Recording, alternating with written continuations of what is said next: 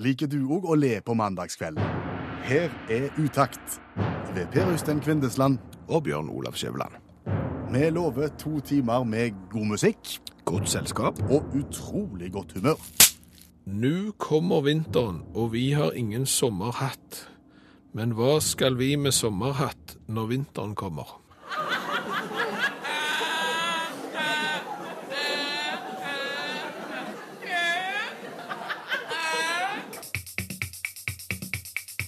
Og da var Utakt i gang igjen. Det er kjekt med mandag, Skiveland. Det er det, og vi kan jo gjerne ta formålsparagrafen til utakt eh, som vi pleier å ta i starten, bare så folk vet hva de har å forholde seg til. Ja, gjør det. Utakt, det skal være godt selskap, og så skal vi skape godt humør på mandagskvelden. Enkelt og greit. Og hvis du vil oss noe underveis i programmet, så kan du ta kontakt via SMS, eksempel. Da sender du en SMS til 1987 og starter meldingen med Utakt. Ja. Eller så følger du oss på Facebook. Ja, søk opp utakt med skråblikk i fokus. Kom med ros og ris og hva det måtte være. Da har vi tatt det formelle, og vi kan gå i gang. Eh, Var det spørsmål innledningsvis? Ja, det var det. Kan vi bli for bevisste? Kan du gjenta spørsmålet? Hører du seint? Nei, men kanskje på, på, på vegne av mange. Ja. Kan du gjenta spørsmålet? Kan vi bli for bevisste? Om vi kan bli i overkant bevisste? Ja, kan vi eksempel ta for mye hensyn til omgivelsene? Kan vi eksempel tenke for mye på om de har tjent nok, de som har høsta kaffen vår? Kan vi være for snille? Kan vi være for opptatt av miljøet? Kan vi, ja. kan vi være for bevisste? I utgangspunktet så tenker jeg at svaret mitt er nei. Eh, At det, det utelukkende vil være en fordel at vi mennesker er bevisste. Jo. Mest mulig. Ja, det er det jeg for så vidt enig i, men det er eksempler på at det kan bli for mye av alt. Som du har sugd fra eget bryst. Nei, eh, vi har Øystein. Mm. Øystein er en trofast eh, utaktlytter, og Øystein har en fortid som innehaver av dyrebutikk. Akkurat. Og, og kom borti denne problemstillingen om bevissthet der. Ja, når han skulle eh, da hjelpe ei, ei dame med å finne produkt eh, til hunden hennes. Ok. Hun var, hun var bevisst, og var bevisst på hvor, hvor varene var, kom ifra, kanskje? Ja, Jeg vet ikke om det var akkurat der poten trykte, for å si det sånn. Hun var, hun var opptatt av pris, kanskje? Det, det kan godt hende hun var, men, men ikke sånn at hun snakket om det. Nei. Hun, hun var mer opptatt av at de produktene hun skulle ha til hunden, mm. at de ikke var testa på dyr. så, så du ser du kan bli for, for Den bevisste. er, den er verre. Ja, for, for Altså, jeg skjønner jo òg det at hvis jeg hadde kjøpt uh, hudkrem, så, så er det jo greit at han ikke er testa på eksempel på en puddel Ja. eller noe. Skjønner jo heller ikke vitsen med å pudre en puddel, men det er nå for så vidt én ting. Og det samme hvis jeg hadde kjøpt eh, sjampo eh, med egg. Famili Egg. Familiesjampo. Familiesjampo med egg, ja. Ja, to Som og en er- halv liter. Som er god for tørr hodebunn, for eksempel. Så, så er det jo ikke så viktig for meg. eh, eh, Eller så, så er det jo greit at den ikke på en måte testa på mus. Nei, men hvis du hadde hatt en liten, en liten dags Ja. Så syns jeg jo egentlig det hadde vært greit hvis det produktet jeg skulle kjøpe til Dagsen, hadde vært testa på andre Dagser. Ja. Det, For det er så mye å få tak i nå til dags. det er jo det. Så, så, så du ser, du kan jo bli i overkant vel fokusert. For det er klart at det, eh, Har du forhold til puddel, for eksempel? Ikke så Jeg, mye. jeg er vokst opp i en familie som hadde puddel i min barndom. Og det er klart at det, det er jo ingen verdi i om den puddelsjampoen eksempel hadde vært testa på mennesker. Du må jo teste den på pudler, for eksempel, for å se om han er god på det. Ja, skjønner. Og, og, og på retriever, eksempel. En våt retriever lukter ikke godt. Det lukter pyton. Ja.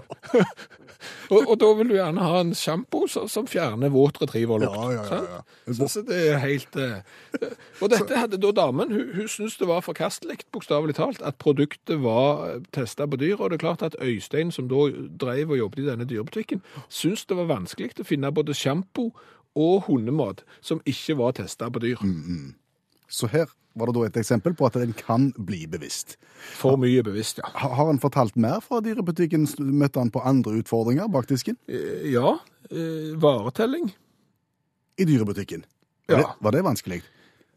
Ja, altså, du har jo unger i idrettslag. Jeg har unger i idrettslag. Det vil jo da si at vi har ganske omfattende erfaring med varetelling. Ja, dugnad. Og da, og da handler det jo gjerne om å havne på, på rett plass i butikken, så du får telle det som er lett å telle. Ja, det er om å gjøre å ikke havne i tannkostene, eksempel, eller krydderet. Det er jo et mareritt. Ja, det er så mye puttel og så mye li... Ja. Men jeg tenker, er det, er det problematisk i dyrebutikken? Jeg tenker, Havner du i, i avdeling for papegøye, så er det 'hallo, det er én'. Ja, ellers er de to, og du kan bare spørre hvor mange er dere, så svarer de to. Men, men for eksempel kanin. Er det vanskelig å telle? Ikke i starten, kanskje, men når du kommer på jobb og skal begynne å telle, så er det 28. Når du har spist lunsj, så er det 32. De har seg jo som kaniner, og de før jo i sukk og spetakkel. Men, men det Øystein sa var den største utfordringen, og vi må jo støtte oss til de som har erfaring fra dyrebutikk. I forbindelse med varetelling. Ja, det er guppier. Da snakker du uhyre små fisk. Ja, det er vel ikke på grensen til gullfisk engang, men det er klart når du da liksom begynner ved én, to, kan nok ikke stå i ro. Tre, to, altså jeg har prøvd å telle tolv baller i et fotballnett, og jeg får det ikke til. Og kan du telle 247 guppier summende rundt dit. Skriv det på rest. Og i dette programmet så har du, Skjæveland, tidligere gått hardt ut imot eh, selgere som du mener seiler under falskt flagg. Ja, Du har blant annet tatt for deg eh, såkalte stumme, som har kommet på døra di for å selge ting. Når du sier du ikke skal ha noe, så blir de arge og begynner å snakke i telefonen og går. ja. Sånne stumme liker du ikke. Så, så, sånne stumme liker jeg ikke. Det er stumme under, Under tvil. under tvil, ja. ja. Og så har jeg jo f.eks. eh, vært litt skeptisk til de som selger produkter fra nedrulla bilvindu. Ja. Gjerne med nederlandsk registrert bil. Fortell om den lille historien, eller gjen, gjenoppfrisk den lille historien. Ja, det var en parkeringsplass ut forbi lokalbutikken. Så kommer det en bil bort, eh, nederlandske skilt som sagt, ruller ned vinduet og spør «Do you speak English?» Ja, er det en mann, dette her? Yes. Skal vi kalle han for Hi- Hilbert, for eksempel. La oss kalle han Hilbert. Ja, eller van der Doim, om du vil. Bare Hilbert. Ja, det var ikke det. Men, men så, så kommer Hilbert og ruller ned vinduet og spør «Do you speak English?» med en sånn English. Ja. Og jeg svarer yes, for jeg tenker han har sikkert kjørt seg vill. Han er vant med flatmark. Og her var det fjell. Ja, og så viser det seg at han eh, har da en historie om at han har vært i Norge på eh, salgsframstøt, og nå skal han tilbake til Nederland, men Hva er det han selger for noe? Han selger kniver. Å. Men han har fremdeles noen kniver igjen i bilen, og det er jo ikke vits i, sier Hilbert, å ta de med tilbake igjen til Nederland. Så, så de kan jeg like så godt bli kvitt, og, og jeg skal jo få det rasende billig. Det er et slags omreisende opphørssalg. Ja, på en måte, så er det jo det. For, for det er ikke vits i for han å liksom ta import-eksport. Nei. Kjøpte du? Nei, Du gjorde ikke det. På ingen måte. Jeg tenkte det her er bare svindel og bedrag, så jeg kjøpte ingen verdens ting. Har du håndfaste bevis på det? Eh, Det er ting som tyder på det, ja. At historien ikke holder vann. Den nederlandske historien? Ja, altså, ingen tvil om at han er nederlender. Det var jo r-ene og r-lydene var tyder på det, og skiltene på bilen tyder på det. Det er på en måte den der han, jeg skal tilbake til Nederland etter å ha vært i Norge, som ikke holder mål. OK, fortell. Fordi jeg var på en annen parkeringsplass i en litt uh, annen del av fylket jeg bor i, og der kommer jo han, samme mann. Hvor mye seinere er dette? Dette er et halvt år senere nesten. Og, så så dukker Hilbert opp igjen? ja, og, og du kjenner jo meg, jeg husker jo ikke navn på noen som jeg har truffet, Ingen. men, men jeg er veldig god til å kjenne igjen folk som jeg har truffet. Ja. Så i det øyeblikket han ruller ned vinduet, så har jeg jo pinpointet med en gang, da vet jeg hvem han er. Hilbert prøver seg igjen, Og da sier Hilbert, do you speak English? og da svarer Skjæveland Yes, svarer jeg, and I don't need knives. Da ble han sur. Kjørte han bort, og så hijacket han en pensjonist, og så solgte han kniver til han istedenfor. Men altså, er du omreisende sånn og driver med Kan du si en, Kjeltringstreker? ja, Jeg vet ikke om det er kjeltringstreker heller, men kan du ikke iallfall lage en historie som holder vann? Det er jo ikke vits i å lyge på at liksom, jeg sitter med et restlager. Kan du ikke bare si du, jeg selger kniver. Ja. Skal du ha? Ja. Det holder jo, det. Og, hvis, jeg, og hvis du ikke er stum, så snakk. ja, det, det er en veldig god idé. Det er mye bedre å snakke hvis du er stum. Jeg tenker du skulle vært sånn der kjeltringcoach, du. Litt gode råd på veien. Ja, for at det ikke går liksom i de der fellene. Yes, ja. Ja, ja. Nei, eh, ja, jeg tror det. Jeg Både begynt- stumme og knivselgere hadde du hatt godt av å ta en runde med.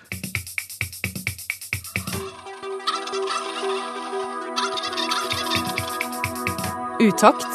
Programmet for deg som savner kalkunlyd på radioen. Bjørnar Vigeland og Tønes kan kniv. Vebjørn åtte kan det aller, aller meste. Ja, og så er han jo bare syv. Bare spør. Jeg skal svare. Hilsen Vebjørn, syv år. Selvfølgelig er han bare syv, men tida går så fort i våre dager. Ja, Det, når du har det kjekt, så går tid. Hvor ble det av egentlig Nei, tida? nei, det legger vi Nei, det er utrolig. Nei, altså, uke, det er jo Vips er det mandag igjen. Ja. Sånn er det. Og hver eneste mandag i dette programmet så har vi besøk av Vebjørn på sju år, som hjelper Utakt sine lyttere med ting de strir med. For han øser av sin livserfaring. Han gjør det, og, og i dag må jeg si det var et veldig interessant eh, spørsmål vi fikk fra en eh, mann på eh, 50 år. Fordi at dette har ikke vi tenkt på, men når vi plutselig fikk dette spørsmålet, så så vi at dette er jo helt sant. Altså, dette er jo faktisk sånn. Ja, Oppvaskmaskinen og kaffemaskinen, skriver denne mannen, får jevnlig rens med dertil passende maskinrensemidler for å sørge for at maskinene er rene. Men vannkokeren, det apparatet som kun brukes til rent vann, den blir også skitten. Hvordan gjør jeg den ren? Ja. Jeg tok med meg det spørsmålet hjem til syvåringen, jeg. Godt spørsmål. Vannkokeren går stort sett for lut og kaldt vann. Var ikke det et fiffig ordspill, pappa? Helt kanon, Vebjørn. Eh, Men hvorfor blir en vannkoker som bare koker rent vann, skjeden? Om det er humus i vannet, avfall i røra eller noe annet, kan være vondt å si. Men delikat er det ikke. Ja, det har vi fått med oss, men hvordan får vi det rent? Et triks er eddik og vann i blandingsforhold 1 til 4. Eddik og vann, det føler jeg jeg har hørt før. Stemmer det. Eddik kan brukes til mye. Men denne gangen så sier vi nei. Ok, ikke eddik. Hva vil du anbefale da? Et lett oppkok med ei barneskje av oppvaskmaskinrens pluss en halv liter vann. Resultat en skinnende ren vannkoker. Ja, men det er jo flott. Men kan vel ikke drikke det som har vært oppi en vannkoker etter at du har hatt oppi oppvaskmaskinrens, vel? For å bli kvitt rensemiddelet, så koker du opp tre-fire ganger med rent vann. Og da skulle du være i mål. Ja, og det er vel strengt tatt vi òg, er vi ikke det? Ja. Sister Christian heter låten, Night, Night Ranger heter bandet. Og det hørtes ut som en krysning av Journey og Europe fra midt på 80-tallet. Ja, det er et 80-tallsband, et amerikansk 80-tallsband, men de som 80-tallsband flest, de holder stand og har fremdeles langt hår og er rundt og spiller. Dette er Utakt i NRK P1. Klokka er tre minutter over halv elleve. Og en nyhet fra Frankrike skal vi snakke om. Ja, fordi at uh, i Frankrike så har vi nå fått høre at uh, det nå skal være mulig å kjøpe briller i Frankrike uten resept. Har ikke det vært mulig før? Nei, det har ikke vært mulig å kjøpe briller uten resept i Frankrike. Det har vært sånn at du må til en øyenlege som kan fastslå om du trenger briller eller ei, hva type briller du trenger, og så får du lov å kjøpe briller. Og det er da det eneste landet i Europa der det har vært sånn, men nå ser det ut som om det skal bli et frislepp av briller. Og mange har jo flirt av den nyheten ja, det siste døgnet. Det er jo lov til å flire av det. Det høres jo litt sprøtt ut, tenker jeg. Jo, det er lov å flire av det hvis du ikke vet bedre. Nei, vi vet jo egentlig bedre. For Vi vi, det. vi vet litt om, om, om dette her med økt tilgang eh, sett opp mot, mot misbruk. Vi- vi vet litt om det. Og i den forbindelse så har vi fått besøk i Utakt studio av et menneske som har kjent dette her på kroppen. Uh, ja, velkommen til oss.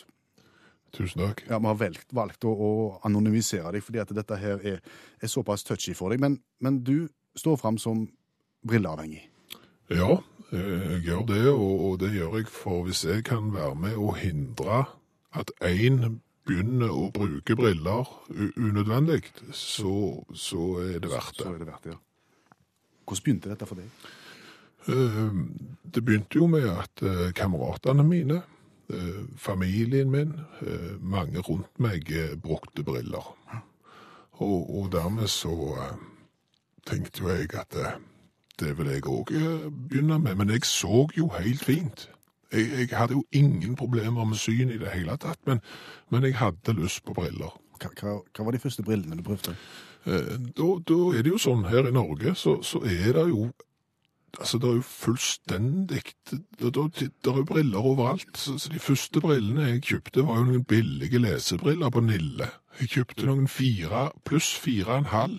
Kjøpte jeg til 29 kroner. Og, og, og da opplevde du Nei, altså, da tok jeg jo på meg de brillene, og jeg så jo ingenting. Jeg, Sant? Når jeg ikke trenger briller og tar på briller, så blir jo hele perspektivet annerledes. Og det er klart at det er ganske fengslende. Det er ganske spennende du har gått et helt liv og sett helt fint, og så plutselig så får du se verden på en helt annen måte. Hvor lenge hadde du den gode effekten av det?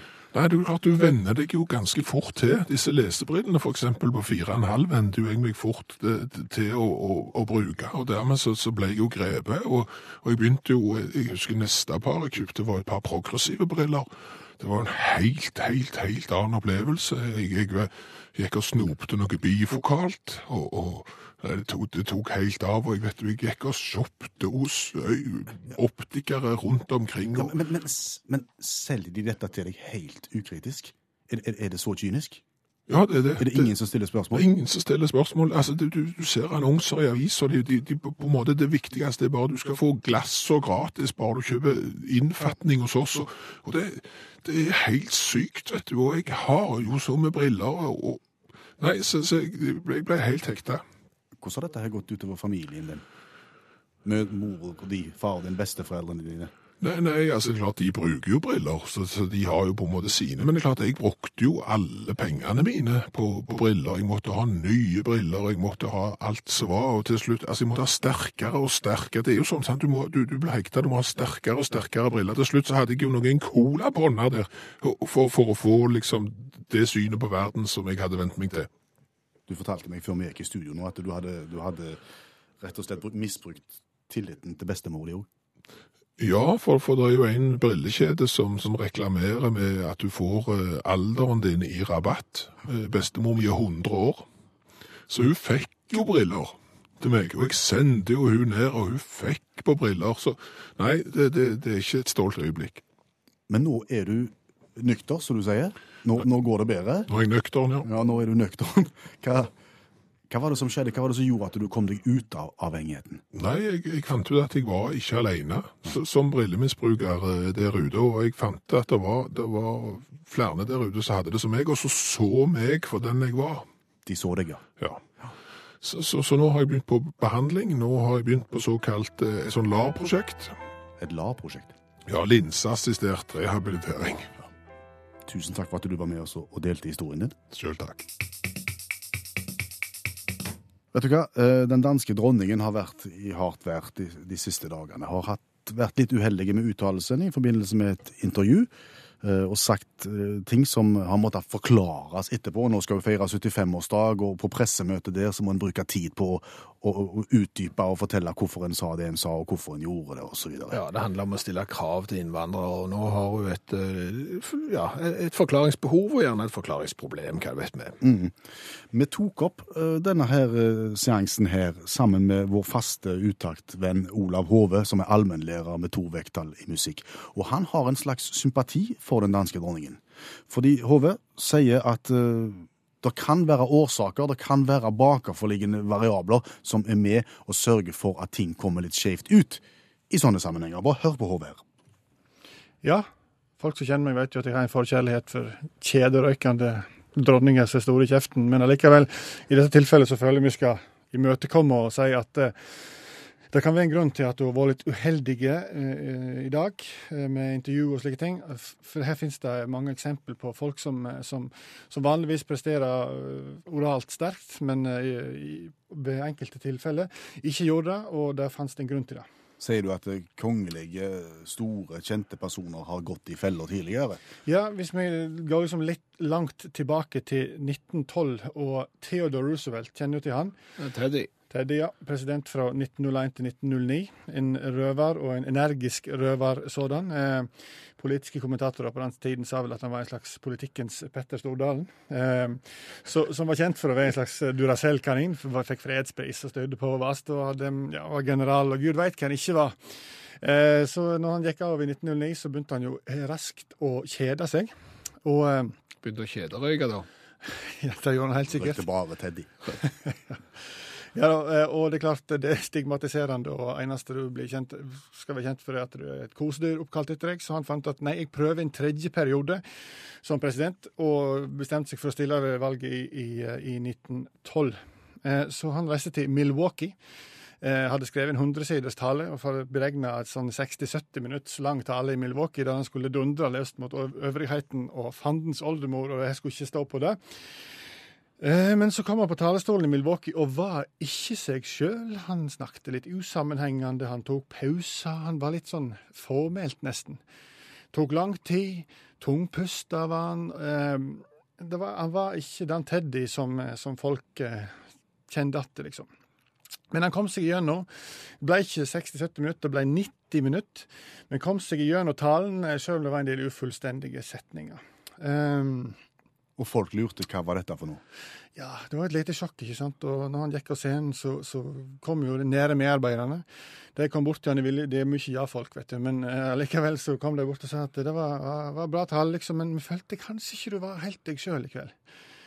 Eh, nei, sa Roosevelt, jeg er nok litt der sjøl òg, men eh, ja, hva som skjer, liksom, sier de. Nei, jeg er ikke sikker, sa han, men, men rett før talen så ble jeg skutt.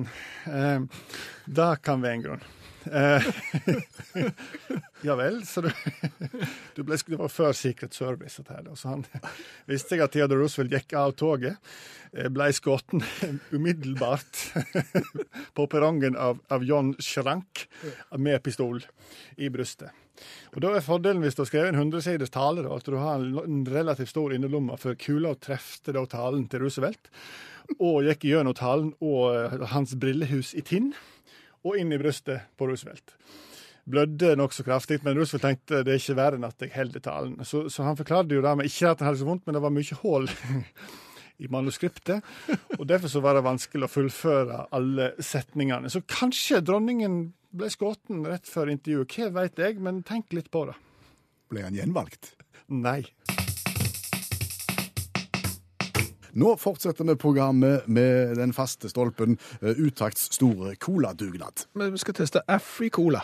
Afri-Cola. Afri-Cola fra Tyskland. Eh, La oss si bitte litt av konseptet først. Vi har tatt mål av oss til å smake på mest mulig cola i løpet av eh, årene som kommer. Ja. Vi får tilsendt cola i alle varianter for deg som hører på Utakt. Setter voldsom pris på det. Så smaker vi på én ny hver dag og gir, hver mandag og gir karakter. Ja, for det er jo sånn at gjerne skal du ut og reise, og eksempel til Tyskland, og så vet du ikke før du reiser om skal jeg smake på Africola eller skal jeg ikke. Eh, Nå kan vi eksempel hjelpe deg med akkurat det. Ja. Kan vi si litt om bakgrunnen for nettopp den? Altså, vi vil jo, jeg vil jo tro at den skulle til Afrika, men den skal til Tyskland? Den skal til Tyskland, ja, og Afrikoland oppsto i Tyskland eh, i 1931. Å, Eh, gammelt. Så det er en gammel, og, og hadde sin eh, storhetstid rett etter andre verdenskrig på, på 50-tallet. Men så skjedde det noe, ser du. Da fant de ut etter hvert at de skulle gå vekk fra den gamle oppskriften. Så lagde de ny oppskrift. Interessen for afrikola dalte. Så forandra de oppskriften ytterligere. Det ble ikke noe bedre av det. Da dalte oppmerksomheten ytterligere. Og det som de mye gjorde her, det var at de fjernte koffein. For det var veldig mye koffein i eh, den originale Afrikolaen. Men etter et par magre år for Afrikolaen, så gikk de tilbake til originaloppskriften. og Fyll den med koffein så det vil noe, og, og er tilbake da på originaloppskriften uten at det har blitt noe stor suksess for det. Hvor kommer Afrika inn i bildet? Har ikke peiling. Nei, bare et artig navn. Bare et alle tiders artig navn. Nå er vi spente. Nå skal vi smake på Afrikola. Ja. Vi skal gi poeng. Vi gir poeng for smak fra én til ti. Bare skru opp, du. Det var litt lite fus i den, skal vi se. Vi gir altså fra én til ti på smak, og så gir vi fra én til ti på det vi kaller kulhetsfaktor. Ja. Vil du bli sett med ei flaske Afrikola i baren, f.eks.? Vær så god. Klar, La ferdig, gå. oss smake.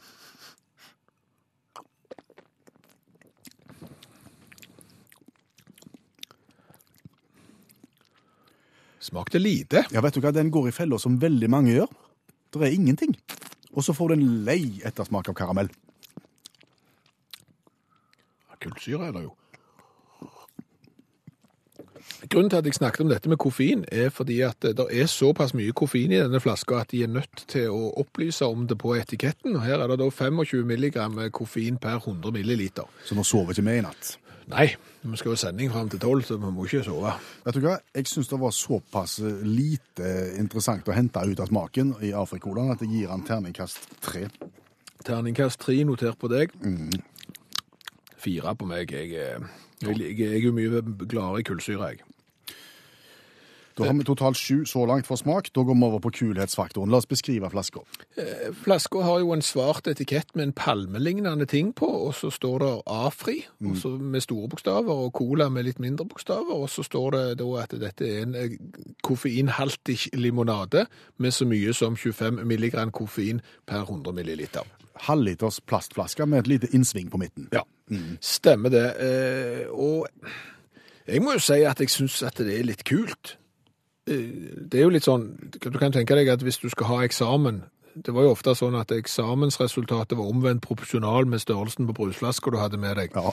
Eh, Men det er klart at her, hvis du lør på med rikelig med koffein her, så skal du ikke se vekk ifra at den er ganske tøff. Så jeg eh, Da Deutsche Afrikola får en eh, syver, kul, kul syver for meg. Ja vel, ok. Jeg syns han ser hjemmesnekra ut. Jeg syns han ser ut som om du skulle lagd din egen etikett i forbindelse med et eller annet artig utdrikningslag eller et eller annet sånt. Historieløst. altså Afrikolaen har egen butikk der de selger Africola-effekter. altså. så, det, så nei, men hva vil du gå? Jeg, jeg, jeg gir tre på kulhetsfaktoren også. Jeg vil ikke bli sett med den i det hele nei, tatt. nei, nei. Det er 17 totalt. Det er en glede å registrere nok en påmeldingsrekord i Utakt sin eh, konkurransehistorie. Og i kveld skal vi til Larvik. Ja, vi skal det. Vi skal i senga til Helge Hoff. Oi, se det. Det er ikke noe å le av det, Helge? Ja, nei, det er ikke noe å le av. Det er alvorlig, senga mi. Nei, sant? Men sånn er det. Når vi sender så seint, så må folk få lov å ta seg en liten hvile òg. Ja, ta en liten cowboytrekk. Gjør det, Helge. Eh, nå, nå skal vi straks gå i gang. Vi skal bare, bare ta en liten runde på reglementet i konkurransen først. Ja, for da er det sånn at jeg sitter med ei spørrebok fra 1975 eh, som er beregnet på barn og ungdom, og den har 68 sider. Så velger Helge et vilkårlig sidetall og får et vilkårlig spørsmål, og svarer han rett, så får han gladjodling. Svarer han feil, så får han tristjodling. Men uansett så skal han få T-skjorte med V-hals, så det står utakt på. Da er utgangspunktet greit, Helge. Ja, det er helt greit. Jeg kjenner til reglene. Ja. Da Det er godt. Begynn å velge et sidetall fra den sennepsgule-boka. Ja, 38. Da blar jeg opp og kommer da til kategorien både det ene og det andre. Oi. Der har jeg 13 spørsmål å by på. Ja, 11. 11. En kjent svensk konge falt i et slag ved en festning i Halden. Hva het kongen? Ja, det må være Karl den 12. Det var gladjodling med en gang. Det var jo alle tiders. Og Var, var det han med gamasjen i det? Ja, det var han med gamasjen med, med Gaut Romt og Brumund. Ja, stemmer det. var, det, var det derfor du kunne det? Ja, det var nok det. Så godt.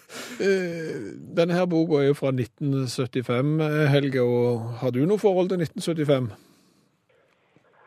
Ja, da var jeg Ja, hvor gammel var jeg da? Da var jeg 18 år. Ok, så du, du var voksen i 75? Jeg hadde vel litt forhold til det. Ja. Så da var du i ferd med å ta sertifikat, da? Ja, jeg tok sertifikat akkurat på nyåret 76. Helge, gå på et nytt sidetall i boka. Ja, da går vi på 12. Da er vi på kategorien som heter musikk og sang, og der er det 25 spørsmål. Ja, 19. 19, skal vi se. Musikk og sang anno 1975.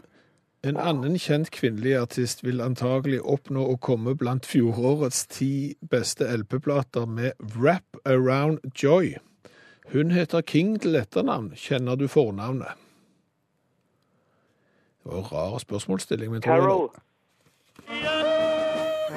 Ja, Ja, det er veldig bra når du klarer oppfølgingsspørsmålene fra nummer 18. Det var imponerende, altså. ja, for her var det egentlig et utgangspunkt som vi ikke hadde med oss. Ja, Men det var Carol King. ja. Liker du hun? Nei, jeg liker og liker. Jeg har jo hørt henne, da, men jeg er ikke noe sånn uh, storfan akkurat. Nei. Og hvis Helge kan få lov å liksom velge i platebunken, hva setter han på da? Nei, da setter han opp på Beatles, skjønner du. Og du er en av de, ja. Hvor- Hvordan, Ja, han er nok en av de, ja. hvordan, hvordan går det med drama i Larvik nå? Lever det ennå? Nei, de, le- nei, de eksisterer ikke lenger. De, eh, det var jo Det er litt etter min tid, egentlig. Ja. Jeg var vel sist sett midt på Den store for meg. Nei. Jeg har vært vakt på Creation-konsert, hvis det hjelper å ha på CV-en. Ja vel. Så Da, da vet du litt om det hysteriet den gjengen fra Larvik skapte på, på 80-tallet. ja, da var det ei Ja, det vet jeg. Da var det ei det- lita jente som hoppet over skuldrene mine, over hodet, inn på scenen, og jeg ble jo da på en måte bevist at jeg ikke gjorde jobben min som vakt. Men de har sikkert glemt det nå, Muffe og Gekki og de. Han, han litt slakke vakten på Vestlandet. Han glemmer det aldri. Ålreit, ett spørsmål igjen. Et spørsmål igjen. Da tar vi nummer 20, side 28. Side der er den. Det er fra religionstimen. Oi. Eh, 25 spørsmål fra religionstimen. 13. Hva het gutten vi hører om i Det gamle testamentet som ba Tal, Herre, din tjener hører? Nei. Nei, det, det eh, Det vet jeg ikke. Nei, det hjelper vel ikke om jeg tar spørsmålet en gang til heller. Nei, tal Herre din tjener hører. Nei, eh, Gutt fra Gamle testamentet. Han begynner på Sam og slutter på UL. OK. ja vel. Ja, nei, jeg var ikke med der. Samuel. Ja, det er jo ingen som, ingen som sier hvordan du skal komme fram til målet, bare du kommer fram. OK. Men det er Ja, det må jeg si. Ja, Vi sier tre av tre fra direkte inn i sengehalmen til Hoff i Larvik. Ja, veldig bra. Da skal vi sende ei T-skjorte. med god samvittighet. Ja. Da sender vi ei T-skjorte med helga, så får du ha en god kveld. Kjempefint. Ha det godt. Da hører jeg på dere en time til, og så legger jeg meg til å sove. Den er god. Så dette er jo bare aldeles kostelig å høre på. Så vi kommer kjørende godt opp i E6-en i godt driv og vet vel om eh, alle fotoboksene som er der. Og eh, det hadde jo vi glemt av da, for vi lo jo oss mest skakke av det som eh, kom på utakt. Plutselig der var det et gedigent blink av ei kveldssol som vi ikke var helt forberedte på. Hvor stor ble boten? Eh, eh, Det er ikke så skamgalen. Det, det er bare én ting jeg lurer på, på Kristin, helt til slutt. Hva jobb har du? Politi? Utakt. Programmet som er så morsomt at politiet får fartsbot. Skjæveland, hva er en generalprøve? Eh, Det er den eh, forestillingen eh, der du møter opp og gjør akkurat det samme som du gjør på premieren, bare du gjør det f.eks. dagen før, og da er det generalprøve. Hvorfor heter det generalprøve? Ikke peiling. Hvor kommer generalen inn i bildet? Overhodet ingen peiling. Nei. Men vi var jo med på en forestilling og, og møtte jo opp på generalprøven for å gjøre bare det samme som vi gjorde på premieren og forestillingen etterpå. Og, og vi forsto jo ikke hvor generalen kom inn i dette. Hvorfor heter det generalprøve når vi bare øver? Mm. For det er jo, som du sier, en, en slags øvelse. Og så, har du dette her med dårlig generalprøve gir god premiere, og også motsatt. Så han er jo viktig, tydeligvis. Men hvor kommer generalen inn? Ja, han er jo viktig, men, men hvorfor heter det ikke noe annet? Altså, fordi at Er det noe militært med dette? Jeg vil jo si at det, altså, hvis det er noe militært med det, Ja. la, la oss nå spekulere over det. Så, og en generalprøve var på en måte å øve eh, før det ekte slaget kom, for Det vil jo være særdeles usmart. sant? Vi sender en halv bataljon bare ut for liksom å sondere og teste terrenget, liksom, og så komme tilbake igjen med litt mindre. Kan det være noe som generalen har initiert, og så sendt de ut, da? For, det, for å prøve? Nei. Jeg, jeg vet ikke. Altså, jeg, jeg har rett og slett ingen anelse, og jeg har ikke funnet ut av det heller. Det er mulig at jeg er dårlig å, å søke på internett, men jeg, men jeg har ikke funnet ut hvor generalen i generalprøven kom inn. Hvis vi holder på militærsporet, kan det ha med å gjøre For, for det handler jo om å gjøre å, å forberede, ikke sant? Å gjøre ting best mulig dagen før det smeller. Ja, ja. Ja. Sett at en, en, en stor militær bataljon skal få besøk av generalen. Altså den, den øverstkommanderende. eh, og da skal han jo oppføre seg fint når generalen kommer, og da, da skal ting være på G. Så da må en øve og være 100% i stand til, til, til å ta imot generalen. Dermed har en en prøve dagen før en generalprøve. Om den litt søkte teorien som du nå kommer med, for den virker i overkant planlagt, mm. kan den eh, bunne i at du har veldig lyst å fortelle om når du var i militæret, og på en måte hadde generalprøve før generalen kom? Om jeg skal fortelle om den gangen jeg var i militæret, og, og ikke bare hadde generalprøve, eller vi fikk generalen på besøk, Ja, det kan du godt. da, da gjør jeg gjerne det. Det var ikke generalen. Å nei. Det var vel, jeg, mon det var admiralen. Og var du i Ja, det var sjø. Du var sjø, ja. Jeg var i Så du var på admiralprøve? Ja, det kan du si. Altså, poenget var at eh, dette her var i Odderøya fort, kystartilleriet i Kristiansand. Det er noen av de fremste krigerne vi har. Ja, det er vi som gjør Norge trygt. Vi fikk beskjed om at eh, i løpet av eh, relativt kort tid så skal leiren få besøk av eh, en av de virkelig store øverstkommanderende. Jeg er ikke sikker på om det var den øverste av de alle, men ganske høyt opp i gradene. Han skulle komme og inspisere leiren, og vi skulle ha oppstilling og ha eksersis foran vedkommende. Høyt! Høyt! Veldig mye øving på det. Og det var da alle mann samla på eksersersplassen. En kjempeforsamling. Beint og fint. Og vi øvde og vi øvde og vi øvde og vi øvde. Var det på sånn Aksel R og høyt og rett og sånn? Jeps. Okay. Men for å få oppmerksomheten til alle på en gang, så, så, så var det liksom ikke småtroppene som ble kalt opp. Nei. Det var 'Rekruttskolen!' ropte øvingsoffiseren. Ja. Rekruttskolen, det var oss. Og da var det alle. Så når han ropte 'Rekruttskolen!', så smalt det Ja. i bakken. Ja. Og vi øvde og vi øvde og øvde og vi øvde på det, og til slutt så satt det, og dagen etterpå så kom admiralen, eller generalen om du vil. mm. Vi hadde hatt generalprøven dagen før, Ja. så skulle han gjøre akkurat det samme. Og han går fram foran oss, og så sier han Kompani! Hva skjer det? Da ble det takras. Da var det én på aksel og én fot i bakken og litt rundt, for det var en kommando vi aldri hadde hørt. Dere responderte kun på rekruttskolen. Yes. Ja, ja, ja. Men det var en generalprøve Nei, jeg vet ikke om han virka det. Ja, det var dårlige greier. Men hvorfor heter det generalprøve? Hvor kommer generalen i generalprøven i bildet? Det vet vi ikke, og det spørsmålet har vi lagt ut på Facebook-sida til Utakt. Så hvis det er noen som er ubetydelig mye smartere enn oss, hjelp oss gjerne med det. Så skal vi heller ta for oss en historie fra virkeligheten kalt Smårips og tyttebær. Ja, for på søndag så var jeg på uh, buffé. På, på søndagsbuffé med familien var svigerforeldrene med henne, da. Ja, ja, det var eh, markering av eh, rund dag. Ja. Eh, og det er klart, eh, du kjenner meg jo såpass godt at du vet at er det Er det noe jeg mestrer, mat, så er det, er det er det noe jeg mestrer, så er det buffé. Ja. Eh, og jeg forsynte meg jo rikeslikt, som jeg pleier, og så var det blant annet en sånn en anretning av litt eh, stud, noe kjøtt, eh, fløtegratinerte poteter, og en stor bolle med tyttebærsyltetøy. Det hører jo til. Det hører jo til. Ja. Så det satte jeg jo godt til livs, helt til jeg fant ut at tyttebærsyltetøyet, det var ikke tyttebærsyltetøy i det hele tatt. Smakte det annerledes? Ja, ja, det var rips. Det var rips, ja. Og, og det var ikke sånn at det sto ei bitte, bitte lita skål med rips ved siden av. Altså, det, det sto en svær skål med rips.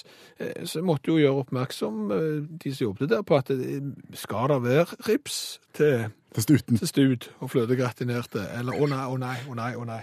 Og da er det en som har tatt feil, fordi at i anretningen og i det han skulle røre tyttebær, så har han rørt rips. Så har det blitt rør.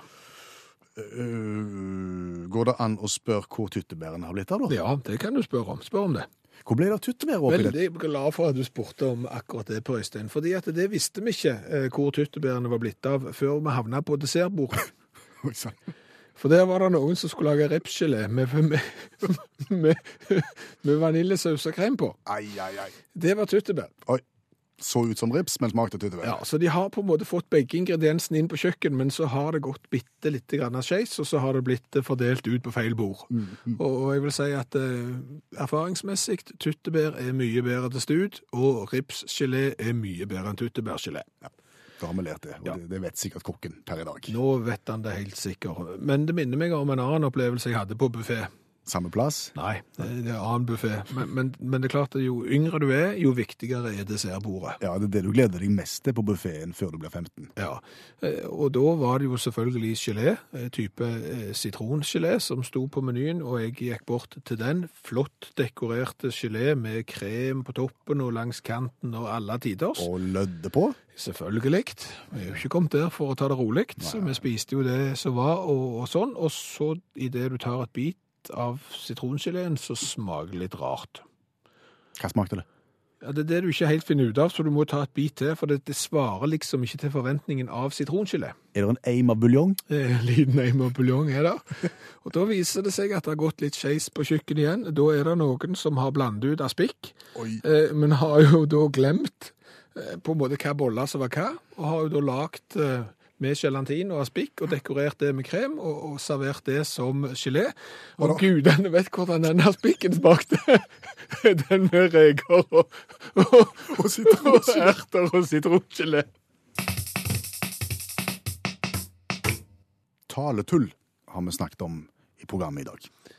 Ja, for uh, dronning Margrethe i Danmark har fått litt grann pes for eh, noen uttalelser hun har hatt om å bruke forberedelsen til 75-årsdagen sin på å forsvare det hun har sagt. Men allmennlæreren vil igjen forsvare dronning Margrethe og andre som har eh, uttalt seg offentlig om at det gjerne er en forklaring bak som får sier litt om hvorfor det gikk skeis. Allmennlærer med tovektig musikk, Olav Hove, har sett på en del berømte uttalelser og taler eh, opp gjennom historien som det har gått gale med, men hvor det er en forklaring bak at det gikk gale. Eh, mannen fra Libya, eksempel. Eh, Uksa Gaddafi fra Libya um, er ikke blant oss lenger nå, men han eh, fikk lov å holde tale i FN i 2009. Hadde ikke fått lov siden 69, og ville benytte anledningen til å virkelig dra til. En burde jo visst det, for han hadde, han hadde jo et krav om å få leve, bo i beduintelt i Central Park mens han var i New York. Fikk ikke lov til det. Syns det var jækla irriterende. Eh, han fikk eh, 15 minutter til å snakke, eh, og drog til så det holdt. Eh, snakket litt om svineinfluensaen, som var et biologisk våpen, ifølge han. Han eh, foreslo at det var en enkel løsning på Palestina-Israel-krisen. Slå skiten i sammen og kalle seg for Isratina, eh, og den type ting. Han ville flytte FN til Libya. Han, eh, han mente FN eh, involverte seg altfor lite når det gjaldt Kennedy-drapet, eh, og han foreslo å bytte navn på Sikkerhetsrådet til Terrorrådet. Og alt dette fikk han gjort på 15 minutter. Nei, det, var, det er jo det er ikke så lett. Så etter 100 minutter, altså 1 time og 40 minutter, så, så, så begynte han å gi seg, da. Eh, Og, og FN som var, var stappfullt når han begynte, det var da motsatt når han var ferdig. Eh, og dette skapte jo litt brudulje, og, og en spurte jo Gaffi om det, og det viste seg at han, eh, han sa ja, beklager det, jeg var rett og slett døgnvill. Og så hadde han fått noe amerikansk mat. Derfor så gikk han tilbake på alt og beklagde at han eh, hadde sagt alt det. da. Eh, så kanskje dronning Margrethe var døgnvill. Eh, hva vet jeg? Men, men i fall, det var, en av, det var forklaringen hans. da. Hvis vi skal gå videre til um, avtaler, så, så vet de kanskje at på amerikanske universitet så er det, når, de- når, de, når de skal uteksaminere studentene, så er det, er det masse taler. Masse hattehiving òg. Ja. Hive hatten i lufta, lurer på om de finner det igjen. Men jeg håper det. Veldig masse, tal, veldig masse taler, veldig masse rare hatter. det er helt sant. Og, det er no, og da er det alltid en som skal holde sånn commencement speech. Det er sånn inspirasjonstale.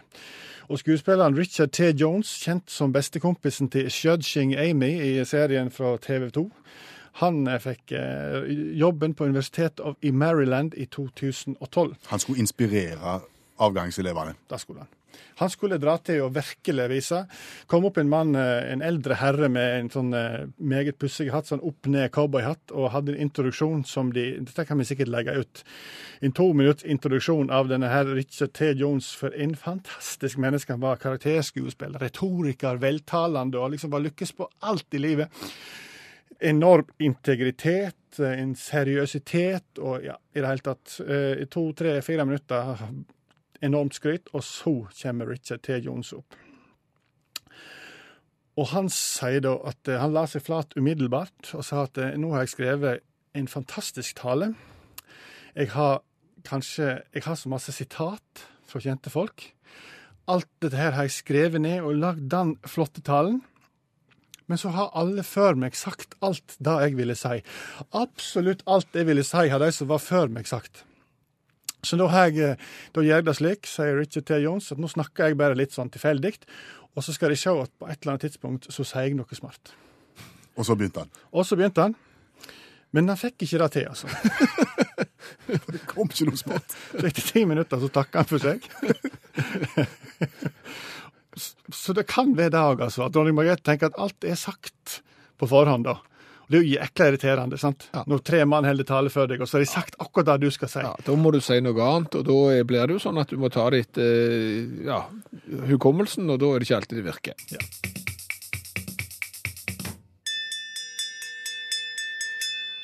Utakt leser høyt fra boka 'Norges morsomste vitser'. De beste vitsene fra NM i humor. Målestokk. En Oslo-mann var på Toten og fikk tilbud om å kjøpe hjemmebrent. Hvor mange prosent holder den? spurte Oslo-mannen. Aner ikke, var svaret, men vi pleier å si at det går tre slagsmål på literen.